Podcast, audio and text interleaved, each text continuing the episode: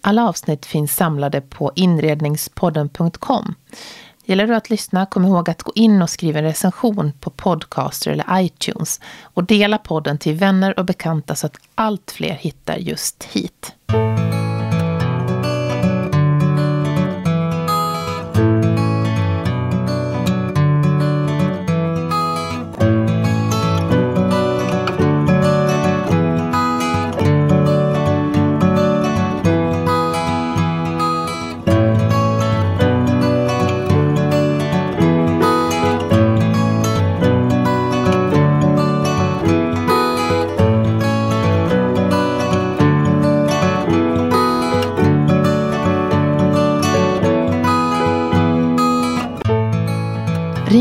Klocka av igenkänning när du hör namnen Dag, Stubbe, Kolonn, Pallo och Cube? De är alla namn på vaser som veckans gäst formgivit. Hon är keramiker, glaskonstnär, formgivare med en stil som är tidlös och elegant, precis som hon själv. Hon tackar ofta nej till uppdrag som inte känns rätt till 100 procent.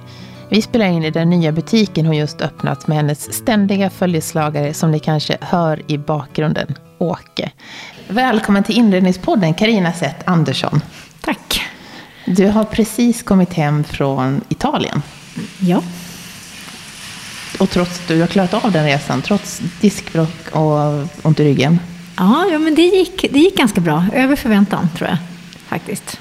Och då åkte du till en kund som du har tackat nej till, har jag hört. Eh, ett, ett, eh, var det inte ett antal år? Ja, det var kanske ett år, men det var mer tacka nej till att eh, de ville att jag skulle göra en, en befintlig produkt som jag gör, en vas som heter Pallo, men i en speciell färg för dem. Och det är ganska många som frågar om sådana typer av uppdrag. Och det är svårt att ta ställning till, tycker jag, att man ska ta en produkt som finns för någon annan och sen ska de lägga till sitt på det hela. Men de gav inte upp. De var så envetna och envisa, så att till slut sa jag ja. Då kan det gå. Men brukar du, hålla, du, brukar du tacka nej till kunder och säga nej, det här vill inte jag göra? Det händer. Jag tror att det mer handlar om magkänsla. Eh, såklart, man har ju inte hur mycket tid som helst, men det tänker jag, det går alltid att lösa. Men mer en magkänsla på om det känns eh, positivt. Tycker jag. Att hela personerna man arbetar med, företaget man jobbar med, att eh, det ska kännas rätt helt enkelt. Svårt att beskriva. När man, när man ser din stil, så utifrån mitt perspektiv, så är den ju väldigt tidlös, eh, elegant och, och, väldigt säker. Det känns som att du är väldigt säker i vad du, i din stil. Men har det alltid varit så? Nej, men jag tänker att man, man jobbar på i sin takt. Och så tänker man att man skulle behöva göra något helt annat. Och så tror man att man har gått ett steg. Och sen när man tittar tillbaka i perspektiv så ser man att det är liksom en röd tråd igenom alltihop i alla fall. Så jag tänker att man kan inte göra så mycket annat än, än det man gör. Men du gick på Konstfack eh, med inriktning mot glas och keramik. Mm. De sakerna du gjorde då, kan du känna att de är fortfarande eh, väldigt mycket din stil som du har idag? Alltså vissa av det kan man ju känna att det är det. Men eh, jag kan ju tänka mig också att det finns Jo, men jag tror att det finns någon linje i det. Även om man då, när man går på skola så passar man ju på att experimentera. Eller det är väl förutsättningen. Att man måste prova massa olika saker på vägen. Så att, och då... Nej, men jag tror man får hitta. Man, man känner när det liksom sitter och inte sitter. Men det är klart man är mycket mera osäker när man går på skola. Man provar mycket mera hit och dit. Nu kommer Åke här, vår jättefina hund. En liten, en liten pugg. Ja, han sitter här och låter nu i bakgrunden. Det är jätte, jättetrevligt verkligen. Mm, och så får man en tass i knä här ibland. Mm. Men Åke, vi måste bara göra en inpassning där. Ja. Är det han som har fått en egen rottingstol på Nationalmuseum? Eh, han har fått, eh, han ligger nämligen alltid i, i våra rottingstolar som vi har redan. Så han har fått döpa den här, men han har inte börjat använda den för han är mycket konservativ. Så att eh, nya saker är ingenting man tar i besittning hur som helst, utan det kanske kommer. Alltså han har fått en hundsäng? Nej, det är mer en stol för, eh, för människor kanske. Men eh, det är ju det hundar gillar bäst tror jag. Mm. Och du var ju en del i den kreativa gruppen som designade och sen formgav både bar, restaurang och kafédel på Nationalmuseum. Det, det ju, måste vi ju prata om. Ja, det kan vi prata om nu när det är över. Ja. Har du kommit, det var ett halvår sedan det, det var invigning nu nästan. Ja, och då hade vi jobbat i tre och ett halvt år. Den här gruppen som egentligen är en hopsatt grupp av fem, eller två stycken har ju ett kontor tillsammans, TAF-arkitekter. Men annars är vi ju liksom olika personer som jobbar med olika uppdrag och våra egna företag. Eh, så jag tror att vi hade det här datumet 13 oktober som ett datum när vi trodde att det skulle vara slut. Och vi har jobbat extremt mycket de här åren med det här projektet. Men det var ju inte slut den 13 oktober för att museet öppnade utan på måndagen den 15 så fortsatte ju allt som vanligt. Ja. Så att, eh, det är saker som man har behövt åtgärda och sådär. Och det är lite saker kvar för man upptäcker saker som man behöver och så. Men det har varit ett fantastiskt uppdrag med väldigt roliga personer att jobba med. Hur funkar det att jobba i en kreativ grupp? Ni är alla välkända, har sin stil och så ska ni sättas i en grupp och, och ja, hur funkar sånt? Ja, men jag tycker det funkar över förväntan. Det är väl det att eh, man är ju bättre och sämre i vissa tider. Eh, man är mm, bättre och sämre vissa dagar. Men jag tycker också vi bestämde ganska tidigt att vi är ett form av att vi ska vara, ha en gemensam väg på det här och att vi får också respektera varandras. Det är ingen som har gått in och sagt att det där tycker jag inte är något bra eller si och så. Men sen gjorde vi det lite svårare genom att bjuda in 20 formgivare till. 20 stycken? Mm. Så att, eh, det har ju varit ganska mycket med det också och jobbat. Ja, det var ju verkligen utmanande alltså. Mm. Så att, eh, jag tror att vi är, lite, vi är lite trötta och lite glada att det är klart. Och, och besöker man Nationalmuseum så är det ju, när man går in i restaurangen så blir man ju helt, helt häpen. För det är ju verkligen häftiga, häftiga saker har gjort, en häftig miljö. Ja, den spretar ju en hel del. Alltså den går ju åt lite olika håll. Men för oss så var det också viktigt att vi hittade, vi, hade, vi döpte rummen till olika kreativa rum under arbetsprocessen. Bara för att vi skulle kunna klara av att ta hand om så här stora ytor utan att det blir homogent, monokromt, utan det får liksom sticka ut. Och samtidigt så är det ju också att det kanske... Vi gjorde ju ganska mycket resor i Sverige tillsammans och där tog vi jättemycket inspiration med färgskalan och med material och materialiteter. Så av det så har det också blivit att det... Det kanske inte skriker jättehögt, men man kanske upptäcker nya saker varje gång man kommer dit istället. Jag tycker den skrek ganska högt. Och det Aha. säger jag inte bara för att jag sitter här med dig nu, men bara Nej. ljuskronan var ju helt en, en glasljuskrona som var som man bara wow. Fast det var helt packat med folk i den här restaurangen när jag var där. Mm. Så var det bara att man bara liksom oj, oj, oj. Man bara stannade upp. Ja, vad roligt. För bara den var ju ett stort projekt i sig, kan man ju säga. För den var ju då, vi fem formgivare och så bjöd vi in fem formgivare till som gjorde en varsin glasdel. Och sen är det Glass Factory, Boda, som är, producerar glaset. Och Örsjöbelysningen gör lampan. Så det är liksom mycket att hålla reda på hela tiden. Ah. Var det Matte Klenell då som var liksom samordnare för det hela? Ja, alltså Matte Klenell har ju varit vår, kan man säga, projektledare för våran eh, lilla grupp hela tiden. Och sen har eh, vi haft två externa. Fredrik Eriksson som är extern projektledare för hela bygget på Nationalmuseet och Helena Kåberg som har varit är intendent och har varit, eh, och de två tillsammans har varit också för restaurangen. Vilket, utan dem hade det aldrig gått, så kan man säga. Ja. Sen när jag satt och åt där så fick jag plötsligt syn på den här kollektionen med, med terrakottakrukor. Just det.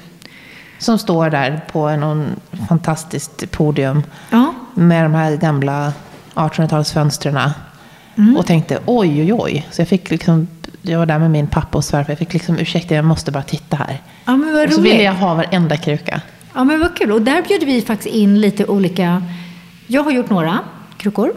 Eh, och sen bjöd vi in några keramiker från Gustavsberg, Anna Lerinder och Kina Björklund. och eh, Simon Whitfield. Och så gjorde de varsina krukor till det här projektet. Och då fick ju de fria händer såklart. Det- Och sen har vi gjort lite krukor. De var ju väldigt, väldigt vackra tycker jag. Ja, vad roligt. Och krukor är ju någonting som du, det ser vi ju när vi sitter här i din butik på Kocksgatan just nu, att krukor är något som du eh, gillar. Ja, men det är väl någonting med den där växtligheten. Och det var ett, ja men nu är det snart tio år sedan, tiden går så himla fort. Men som jag skulle försöka hitta lite bra krukor. Och känna att det är jättesvårt. Nu har ju det hänt någonting med hela marknaden måste jag ju säga. På krukor och växter och allt sånt där. Men då var det jättesvårt att hitta. Så då kände jag att då är jag tvungen att börja göra dem själv. Om jag ska ha några som passar. Och sen har det ju fortsatt. Men det har ju liksom blandat med det här intresset för att man också, det hör liksom ihop med växten. Det är som en vas kan man säga.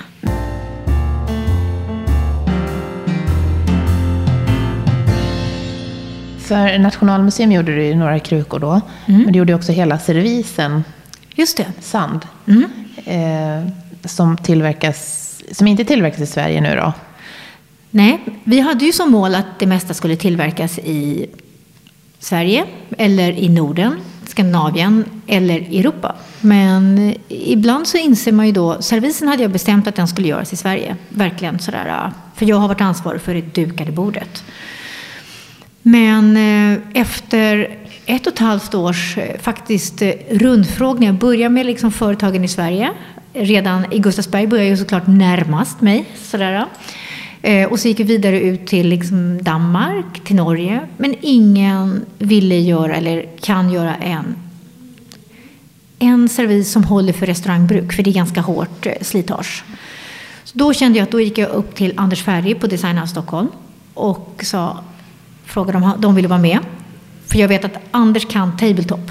Det är liksom hans egentligen största styrka. Även om de gör mycket möbler nu så är det där han har sin grund.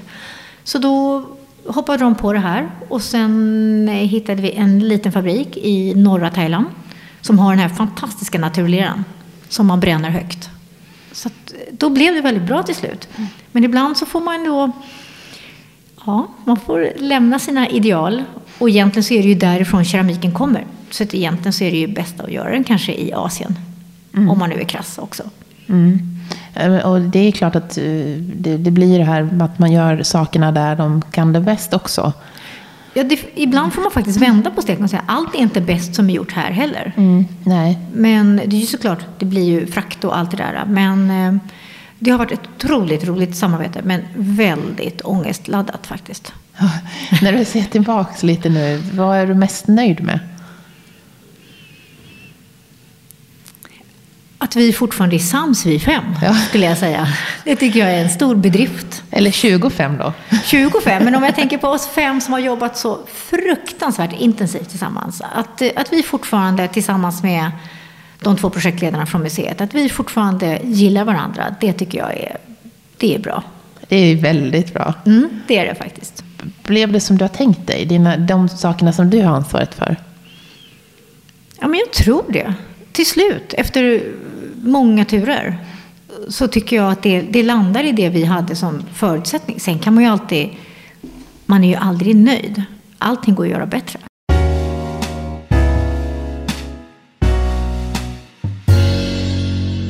På många, när man ska gå på bröllop eller eh, ge någon present till någon som fyller 50 ungefär så, så kommer en viss vas upp på önskelistorna. Och så är det du som har designat den. Dag. Just det. Din favoritvas. Min favoritvas. Nej, men den, den känns ju... Alltså, jag har inte den som någon... Kanske inte favoritvas sådär, men jag tycker ju att den är ett...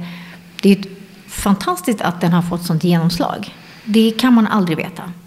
Och när jag ritade den här för Svenskt Tenn, det är väl nu tio år sedan, så var de ju också mycket tveksamma. Man räknade på att man skulle kunna sälja några stycken per år och då skulle aldrig formarna gå ihop sig. Eh, ja, men hela den här. Så det tog väldigt lång tid innan den kom ut i butik faktiskt. Men av den här tiden också, med det här långa formframtagandet och så, så har den ju också blivit som en klassiker för Svenskt Tenn. Jag tror folk tror att den har funnits mycket längre än vad den har funnits. Hur kom du på en idén till, hur kom du på idén till den här vasen? Men jag tror, egentligen så är det ju tre vaser som kom samtidigt. En dagg, en stubbe, en kotte. Eh, och jag tror att det var när jag gick in i företaget och läste om företaget och läste om Estrid Erikssons exotiska föremål som hon och hennes man, sjökaptenen, tog med sig till butiken på Strandvägen. Men sådana föremål är ju inte exotiska på samma sätt längre eftersom folk reser väldigt mycket och man kan själv köpa det där på sin resa. Och eh, då tror jag att det blev att då gick jag tillbaka, vad är exotiskt idag? Och då var det samtidigt en otrolig debatt i tidningarna och på nyheterna om att svenska barn inte är i skogen överhuvudtaget. Och själv är jag liksom uppvuxen mer eller mindre i skogen och känner att det här att det är så självklart att skogen är ju liksom inget farligt. Men väldigt många är väldigt rädda för skogen tydligen idag, bland en yngre generation. Och då blev det att jag tänkte att man, nej men den här, när man kommer ut på morgonen och det är så här dagg i gräset, det luktar kåda från träden, det är så kottar under fötterna. Alltså, den biten. Och då blev det som är kanske exotiskt idag, att uh, gå tillbaka till våran svenska natur. Mm. Ja, det känns som att uh, jag ser det här, de här bilderna målas upp nu framför mig när du berättar så. Ja, men det är en ganska tydlig bild tycker jag. Ja, jag har ju Dagg såklart hemma. Vi fick ju den i bröllopspresent. Mm, vad härligt. Ja, ja. ja. Jodå, det är klart. Ja. Men eh, den var ju inte, du valde ju en väldigt komplicerad form. För att du kan ju inte vara så uppskattad bland glasblåsarna. Alltså, formen, det var nog mer att göra själva formen. Alltså, att ta fram formen för den här. Jag gjorde ju ett original i gips tillsammans med en modellör. Eh, och eh, då hade vi ju den här biten. Men sen ska det ju då översättas till en grafitform. Men då gjorde faktiskt en formmakare som nu har gått i pension, men gjorde en fantastisk form för hand av den här daggvasen, av mitt original. Och sen, eh, sen funkar den väldigt bra att blåsa i. Det är bara att det där förarbetet är så stort och ganska kostsamt, helt enkelt. Men det krävs ändå för att göra en sån vas, så är det en, det är många människor som är involverade för att ta fram en sån. Det är det absolut. Jag tänker att man kanske tänker att det är åtta händer som tar den där vasen på, på vägen. Mm. Eh, först då såklart formmakaren som ska göra formen. Om man har bortsett från det så är det faktiskt de som blåser. De måste minst vara två, gärna tre. Och eh, sen ska det ju tas av, den ska sprängas, det ska slipas, det ska poleras. Jag tror att det är sju poleringar på bara på kanten. Så det är ett stort hantverk på varje vas. Mm. Och där förstår man att priset också blir eh, högre. Ja, och andra sidan måste jag också säga att den är ju ganska billig för att vara en svensktillverkad med det hantverket bakom. Mm. Mm. Men vaser är ju någonting som du gillar när man ser sig omkring här. Ja, det, bara råkar, det bara råkar bli så, jag vet inte. det är det? vaser i alla storlekar här. Ja, men eh, jag tror att man skulle kunna ha en... Eh, man skulle nog kunna ha hur många vaser som helst, för om jag får en bukett av någon så finns, har jag inte heller någon vas som passar i alla fall. På riktigt? Ja, på riktigt. Okej. Håller din familj med om det? Alltså, ditt utbud av vaser hemma? Eh, nej, det tror jag inte. För jag fick se här när vi tittade i skåpen så finns det ju hela...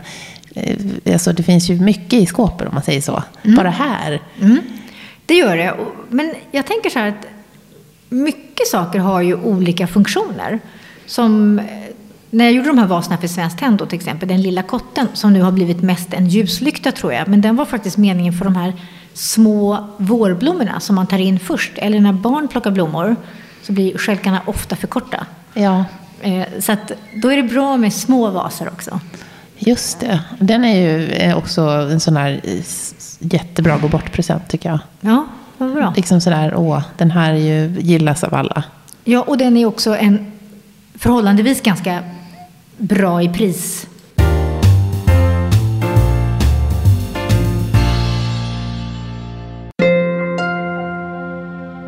I sommar kommer jag att spela in två avsnitt med dig som lyssnar på just den här podden.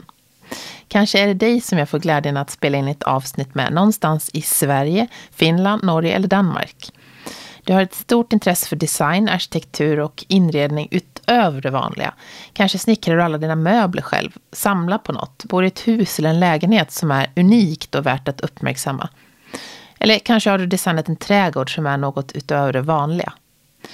Hör av dig med bilder och kort fakta om dig eller den du tipsar om på mail till mig på info.joelhome.se eller skicka ett meddelande på Facebook, inredningspodd eller Instagram där jag finns under att inrednings podden. Och senast den 30 april i år behöver jag ditt förslag. Men när det gäller att formge saker så är du jordnära där kan man väl säga också. För du gillar egentligen mest att ta fram bruksföremål. Jag tycker att det är, mm, det är ju roligt. Sen kan det ju bli objekt. När jag jobbar själv till exempel med unika objekt på utställningar så kan det vara, men de har ofta en grund i, i bruksproblematiken i alla fall. Jag tycker det är otroligt inspirerande med saker man använder varje dag. Som jag har en eh, japansk kaffeburk i tenn och varje morgon när man ska göra sitt kaffe så öppnar man den här fantastiska burken med sina olika lock och i ligger en fantastisk skopa i mässing. Och man löser upp sitt kaffe. Och bara de här vardagsritualerna, jag tycker det är fantastiskt. Att man faktiskt, ehm, att de objekten är så pass viktiga. Känns inte det också rätt i tiden nu? Vi börjar granska oss själva att vi inte behöver den här mängden. Vi har, vi har väldigt mycket saker i hemmen. Jag vet, och det är därför det är helt knäppt att öppna en butik och göra fler saker. Jag känner att jag sitter ju... jag sitter ju risigt till här. Ja, precis. Men eh, å andra sidan så tror jag att eh, man kan absolut jag tror att man kan liksom blanda mycket mer idag än vad som var tillåtet förr också. Så att man kan både såklart köpa nya saker och man kan köpa unika saker och man kan köpa gamla saker. Men eh, jag tror att man kanske tänker på att man har sina saker mycket, mycket längre. Och en formgivare som du har här gömd i skåpen, som du sam har samlat på också, då, det är Arabias eh, servis. Just det, och det är en, en servis som heter Ruska som är ritad av Ulla Prokopé 1961, som är en fantastisk servis. Jag har ju tyckt illa om den när jag var yngre. För att det skrapade när man åt på den. Ja, alltså, den hade vi ju också när jag växte upp. Mm. Mm. Jag tror att många hem har den. Men när man tittar på de här glasyrerna som är fantastiska. Alla är lite olika beroende på vad de har stått i ugnen, vad de har för värme och vad de har. Och så är de eh, formmässigt otroligt fina tycker jag. Mm, och för er som lyssnar så är det en brun, mörkbrun, kallar man det glasyr då? Mm, och det är en glasyr som också då, det är mycket oxider i den, så den skiftar ju i från rödbrunt till svart kan man säga. Är det, när du, när du började eh, din utbildning, så vem är det som du har inspirerats mest av genom åren? Oj, det där är en svår fråga. Ja. Um, Men är det något så här att du känner att det där är ändå, de där sakerna, allt som är från den personen gillar jag nästan? Ja, fast det är svårt. Jag tror snarare att det är snarare att jag har alltid dragit åt här, den japanska kulturen. Att där finns det så, men det kanske är för att man också är mer mån om bruksobjektet där. Att det har en högre status på något vis. Eh, annars så är det ju, jag hade ju turen att ha Oiva Toika och Signe Persson Melin som mina professorer på Konstfack. Och jag tror vi alla som gick då inspirerades av dem. Både jätteduktiga som konstnärer men också extremt duktiga på bruks. Att det var okej att jobba med både och. Det tror jag var, det var en dörröppnare för mig. Mm. Och sen utbildar du ju själv. Du är, du är ju även, vad kallar man det, lektor? Inte längre. Inte längre? Inte längre. Um, jag jobbade faktiskt i över 16 år och undervisade jättemycket. Och sen kände jag helt plötsligt att nej men det, är dags, det är dags för mig att eh, ägna mig heltid åt mitt. Så skaffade jag en hund och så kunde jag inte vara på skolan. nej, men lite så. Det var dags helt enkelt bara. Hur känns det att ha gett upp, eh, eller gett upp, men ha slutat undervisa? Mm, nej men det känns faktiskt bra. Jag tycker det, det är ju jättespännande att vara med studenter och jättespännande att eh, följa nya strömningar och nya idéer och eh, olika personligheter. Men ibland kan det också vara att tiden inte räcker till. Och att man kanske också känner att man är lite trött på det där. För när man jobbar då som 50 procent, som det nästan alltid är på sådana tjänster, så jobbar man ju 100 procent med det och sen ska man jobba 100 procent med sitt eget. Det är bara svårt att få till det.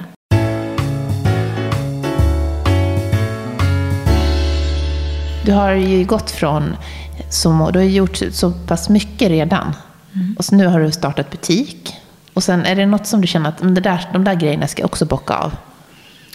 Nej, jag har aldrig haft några sådana mål. Utan jag tror att det är lite som det kommer. Och jag har ju, det har ju varit otroligt... Jag tycker att jag gör jättemycket roliga saker.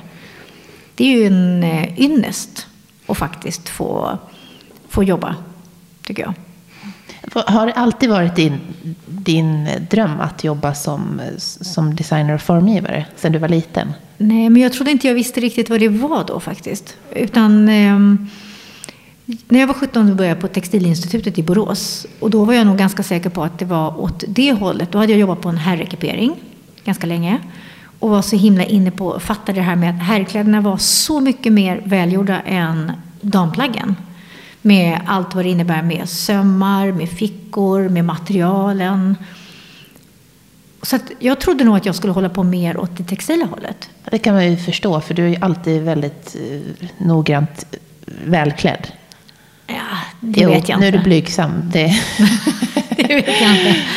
Men eh, då kände jag att jag, då upptäckte jag att jag var nog mer tredimensionell än tvådimensionell. Så då flyttade jag till Orrefors glasskola, som jag hade läst om i någon tidning. Så det gick ganska snabbt det där bytet. Och då kände jag mig mycket mer hemma. Mm. Men du växte upp på Lidingö? Ja, det gjorde jag. Med en trädgårdsälskande pappa? Ja, det gjorde jag. Och vi hade också ett eh, landställe på, utanför Bålsta vid Mälaren som vi var på egentligen jämt skulle jag säga. Så det kändes som man hade två bostäder. Och jag älskade att vara där i skogen. Och eh, min pappa skiftade ju mellan två trädgårdar då. Så han ville ju inte göra så mycket annat. Och då hängde, då hängde ni bara på? Ja, eller jag vet inte, det bara var så. Vi var jättemycket, hela somrarna var man ju så här, tre månader på landet. Om jag inte var på mina kusiners landställen. För att vi bytte liksom. Den som var ledig hade barn, alla barnen helt enkelt. Mm. Var det då ditt växtintresse kom? Nej, Eller det tror jag kom senare. Jag tror att det kom i att jag jobbade för Anders Wingård i hans studiehytta i Baskemölla. Och då var han gift med Cecilia Wingård, som är en trädgårdsperson som håller på mycket med luktärtor just nu. Men då var det nog mycket rosor och trädgård och då bodde jag ju hos dem. Så där tror jag liksom, men sen inser jag ju så hur mycket jag har lärt mig från min pappa som jag inte förstod då. Du vet, man bara tar det för givet, man bryr sig inte. Men jag inser ju sådär att det är mycket som sitter där efter det. Grundkunskapen hur man sköter citrusträd och fikonträd och så? Ja, fast det fanns inte då. Nej, det riktigt. fanns inte då. Nej. nej. Och bonsai och sånt fanns ju inte riktigt. Nej, det var inte mycket sånt. Nej, så det, nej. Har, det, här, det här som vi ser här, det har du fixat själv, eller på att säga. Det är ja, ditt det kan man säga. Men vad jag, jag har du något, några andra intressen för, för, förutom ditt, ditt jobb? Men alltså, egentligen tänker jag att allting har med mitt jobb att göra. Eller man gör det till ett jobb på något vis. Sådär. Även om jag älskar att liksom åka och gräva på landet och liksom gör, vara i, så har ju det också med någon form av gestaltning att göra. Och jag har kommit på att jag inte är så, så förtjust i blommor, alltså blommande blommor. Utan det är egentligen bladverken jag är mycket mer intresserad av. Så att där kan ju också vara så att när man håller på och så går man och tittar på någon blomma som har fått för mycket blommor. Då klipper jag av alla blommor. Fast de är egentligen i sin största prakt. Men de blir för mycket. Och då kan man liksom hitta mer en struktur på grönska på något sätt. Så det där börjar prägla en mer och mer tycker jag. Så du, om du har luktärtor, luktärtor, då går du och klipper bort vissa så att det ska få lite mer grönt i sig då? Ja, just luktärtor har jag ju liksom inte Det har inte kommit dit. Nej, men jag, jag är odlare faktiskt mest ät bara örter och eh, växter faktiskt. Mm. Är det något tips du har till de som lyssnar? Att de här ställena är sådana smultronställen som ni kan besöka i Stockholm eller i Sverige? I Sverige, om jag bara tänker spontant så tycker jag så här, Kapellagården på Öland är ett fantastiskt ställe. Det är en oas skulle jag säga. På, både med sin hantverksskola, vilket jag tror att hantverket har sin framtid om man låter, låter de här skolorna få vara kvar. Ehm, men den trädgården och den platsen och den naturen på Öland, den är svårslagen tycker jag faktiskt. Mm. Då får vi åka dit i sommar. Ja, det tycker jag. Ja. Mm. Eh, är det något, något annat som du vill eh, tipsa om, framförallt till de som är yngre som lyssnar? Som, som känner att ja, men det här med glas och keramik, det är någonting jag skulle vilja eh, göra, eller göra mer av. Eller ta, jobb, börja jobba med kanske till och med. Är det något ställe mm. som du tycker att, men det här, testa och börja eh, jobba med keramik på någon kurs eller så? Ja, men då är vi ju på Kapellagården igen. Ja. Därför där har de ju grundutbildningar i materialen i hantverket och även en trädgårdsutbildning. Och det är, det är svårt, för det finns ju också fler skolor såklart. Alltså Nyckelviken, det finns Steneby. Men det är viktigt med de här skolorna att de får finnas, de här förberedande skolorna. För jag tror att man, när man går in på högskolan som är mycket mer teoretisk idag, om man vill ha en materialkunskap, då tror jag att man behöver skaffa den innan faktiskt. Eller gå som praktikant för någon. Det är en väldigt bra väg också. Att gå som assistent kanske man kan säga. Ja. Om man som jag då skulle vilja börja med att testa att dreja till exempel, eller jobba, alltså, jobba lite mer med händerna. Mm. Vad, vad gör, hur ska jag komma igång? Men jag tror att det finns, det finns ganska mycket olika, även privata initiativ som har kurser som typ eh, Manus, en butik som ligger här bredvid. Och Kalle Forsberg har små kurser för yrkesverksamma som kanske kommer från olika yrkesgrupper. Men inom vårt område på något vis. Och då brukar han ha kurser. Eller så börjar man på en förberedande skola eller Folkuniversitetet eller någonting. Ja, det var bra tips. Jag vill ju bara gå för att få jobba kreativt en gång i veckan till exempel. Ja, men då tror jag då, då är det typ de här, alltså Folkuniversitetet eller någon annan av de kurserna. Ja, bra. Mm. Om man vill komma i kontakt med dig, om man vill veta mer om dig, var hittar man information om dig? Ja, man kan hitta lite på min hemsida, fast jag är väldigt dålig på att uppdatera den. Men kontaktuppgifterna finns där. Eh, och och den är CSA? CSA csa.nu. Det är din mail? Mm. Ja, då, då kommer man direkt i kontakt med dig. Och www.csa så har man hemsidan. Ja, just det. Är det någon, I det här programmet brukar man få önska en gäst som man skulle kunna tänka sig att lyssna på i något kommande avsnitt. Är det någon person du känner att, hmm, den där personen? Mm, jag försökte tänka på det, men det är ju... Alltså jag tycker egentligen alla som man lyssnar på är lite spännande. För alla har någonting att komma med. Så det är svårt. Men jag tänker att någon som är väldigt rolig att lyssna på, det är Tom Hedqvist. När han berättar. Med sin lång, långa erfarenhet faktiskt. Bra tips. Ja. Det tar jag med mig. Mm, gör det. Tusen tack Karina. Tack själv. Och Åke får inte få glömma. Nej, tack.